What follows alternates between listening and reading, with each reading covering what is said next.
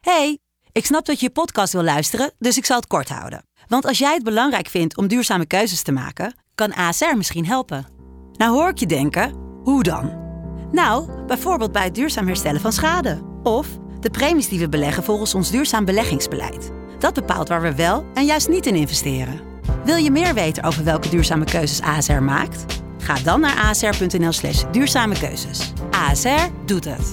Zo, dan kan je nu lekker naar je podcast luisteren. De stroom. Iets nieuws. Iets nieuws is het vluggetje onder de podcast.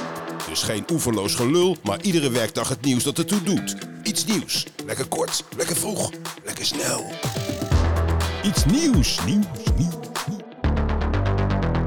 Goedemorgen. Goedemorgen. Heb je een leuk weekend gehad, Renéetje? Ik heb een mannenweekend gehad. Wat is dit nou weer? Ja, met mijn vader en mijn broer. Oh. We noemen dat een mannenweekend. Oh, dat is nog wel leuk. Ik vind altijd van die weekends dat je met z'n een paar mannen op zoek gaat naar je mannelijkheid. Dat is altijd zo treurig. Nee, we hebben gewoon gegolfd. Nou, gewoon, gewoon. Het is nog steeds een elitaire sport. Het is wel duur, ja. We zijn echt honderden euro's lichter. Echt? Hoezo? Nou ja, een, een 9 holes is al 40 euro. Betaal je per hol?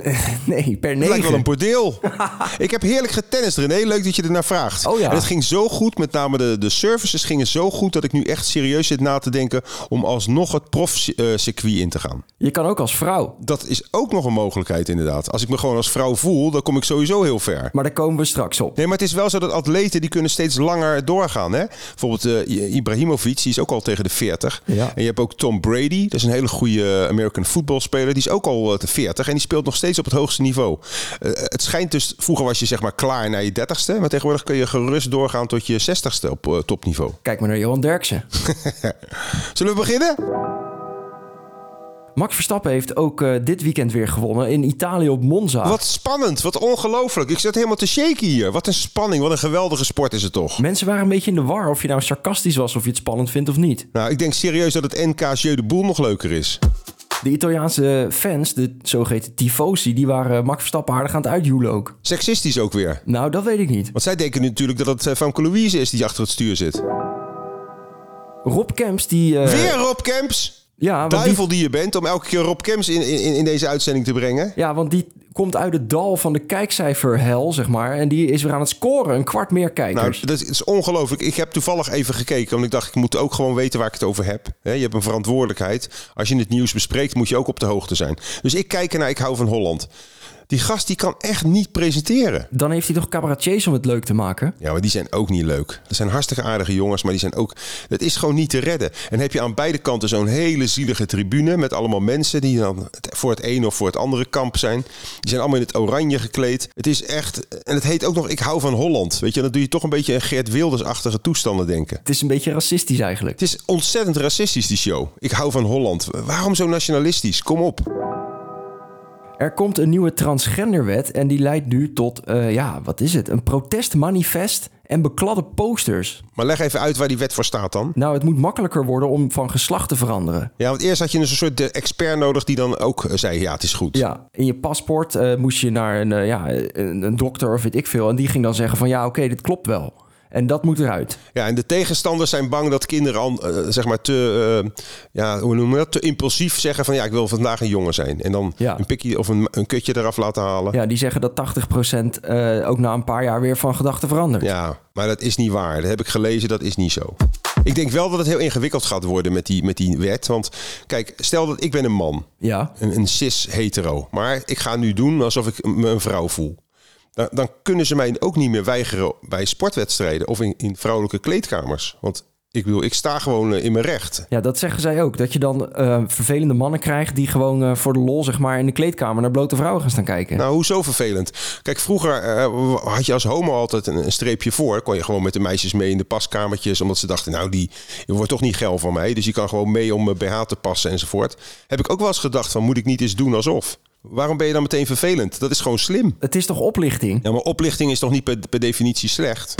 Ik heb wel eens gehad dat een eh, homoseksuele man mij ontzettend stond te eyeballen onder de douche in de gym. Wat is aaiballen? Ja, dat hij met zijn ogen echt gewoon gericht op mijn penis gebaren stond te maken. Oh, ai, ai, ai, e, Griekse e, e, Ja, e. ja. Ik dacht dat hij, jou ging aai- dat hij je ballen ging aaien.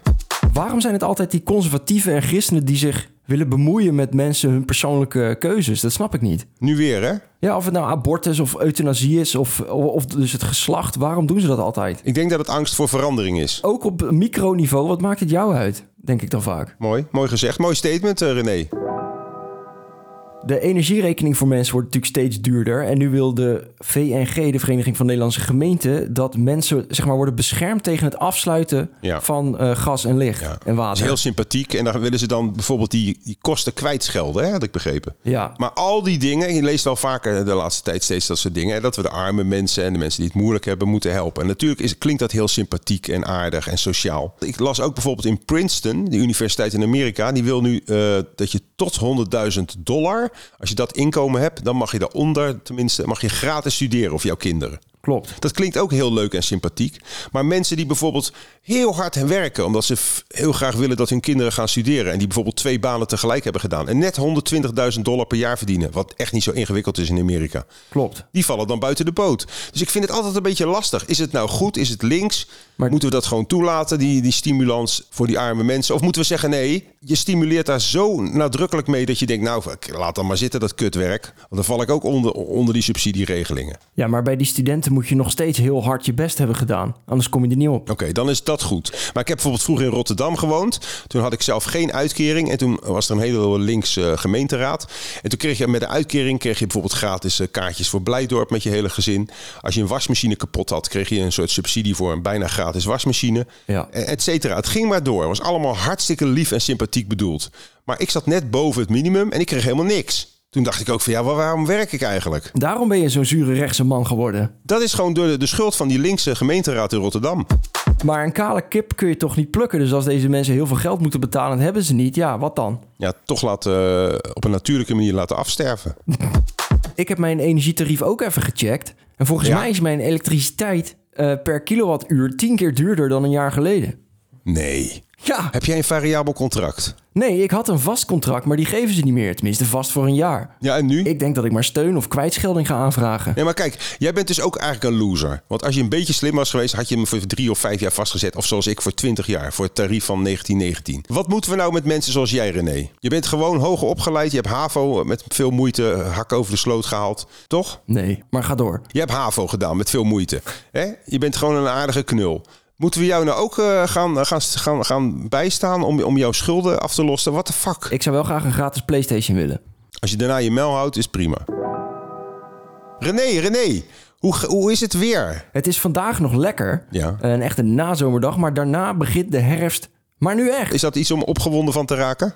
Nou, sommige mensen vinden het heerlijk dat oud-Hollandse herfstweer. Nou, ik vind, ik vind het wel leuk dat we in een land wonen waar verschillende klimaten zijn. Ook als weerman lijkt het me leuk om elke keer weer iets anders te kunnen vertellen. Want stel je voor dat we elke dag, zoals in eh, Koeweit of in eh, Abu Dhabi, Ja. elke dag knallende zon hebben. Dan is er toch niks te vertellen? Nee, dat was saai. Fijn dat je ons weer op de hoogte hebt gebracht. Graag gedaan. Ik wil ook nog eh, een nieuw dingetje inbrengen als het mag. Ja. Ik wil eigenlijk een, een woord inbrengen elke, elke dag vanaf nu. Een woord wat niet vaak gebruikt wordt. En dat eh, gaan we dan proberen vandaag allemaal te gebruiken. Elke dag. Nou, één keer per week dan. Deze week wordt het woord subiet. Schrijf maar even mee. Subiet. S-U-B-I-E-T. E En dat betekent zoiets als lekker snel. Lekker kort. Direct. Lekker direct. Subiet. Probeer het woord te gebruiken. En kijk hoe mensen naar je kijken als je dat woord gebruikt. Dag. Dag, tot morgen. Dit was iets nieuws. Tot morgen.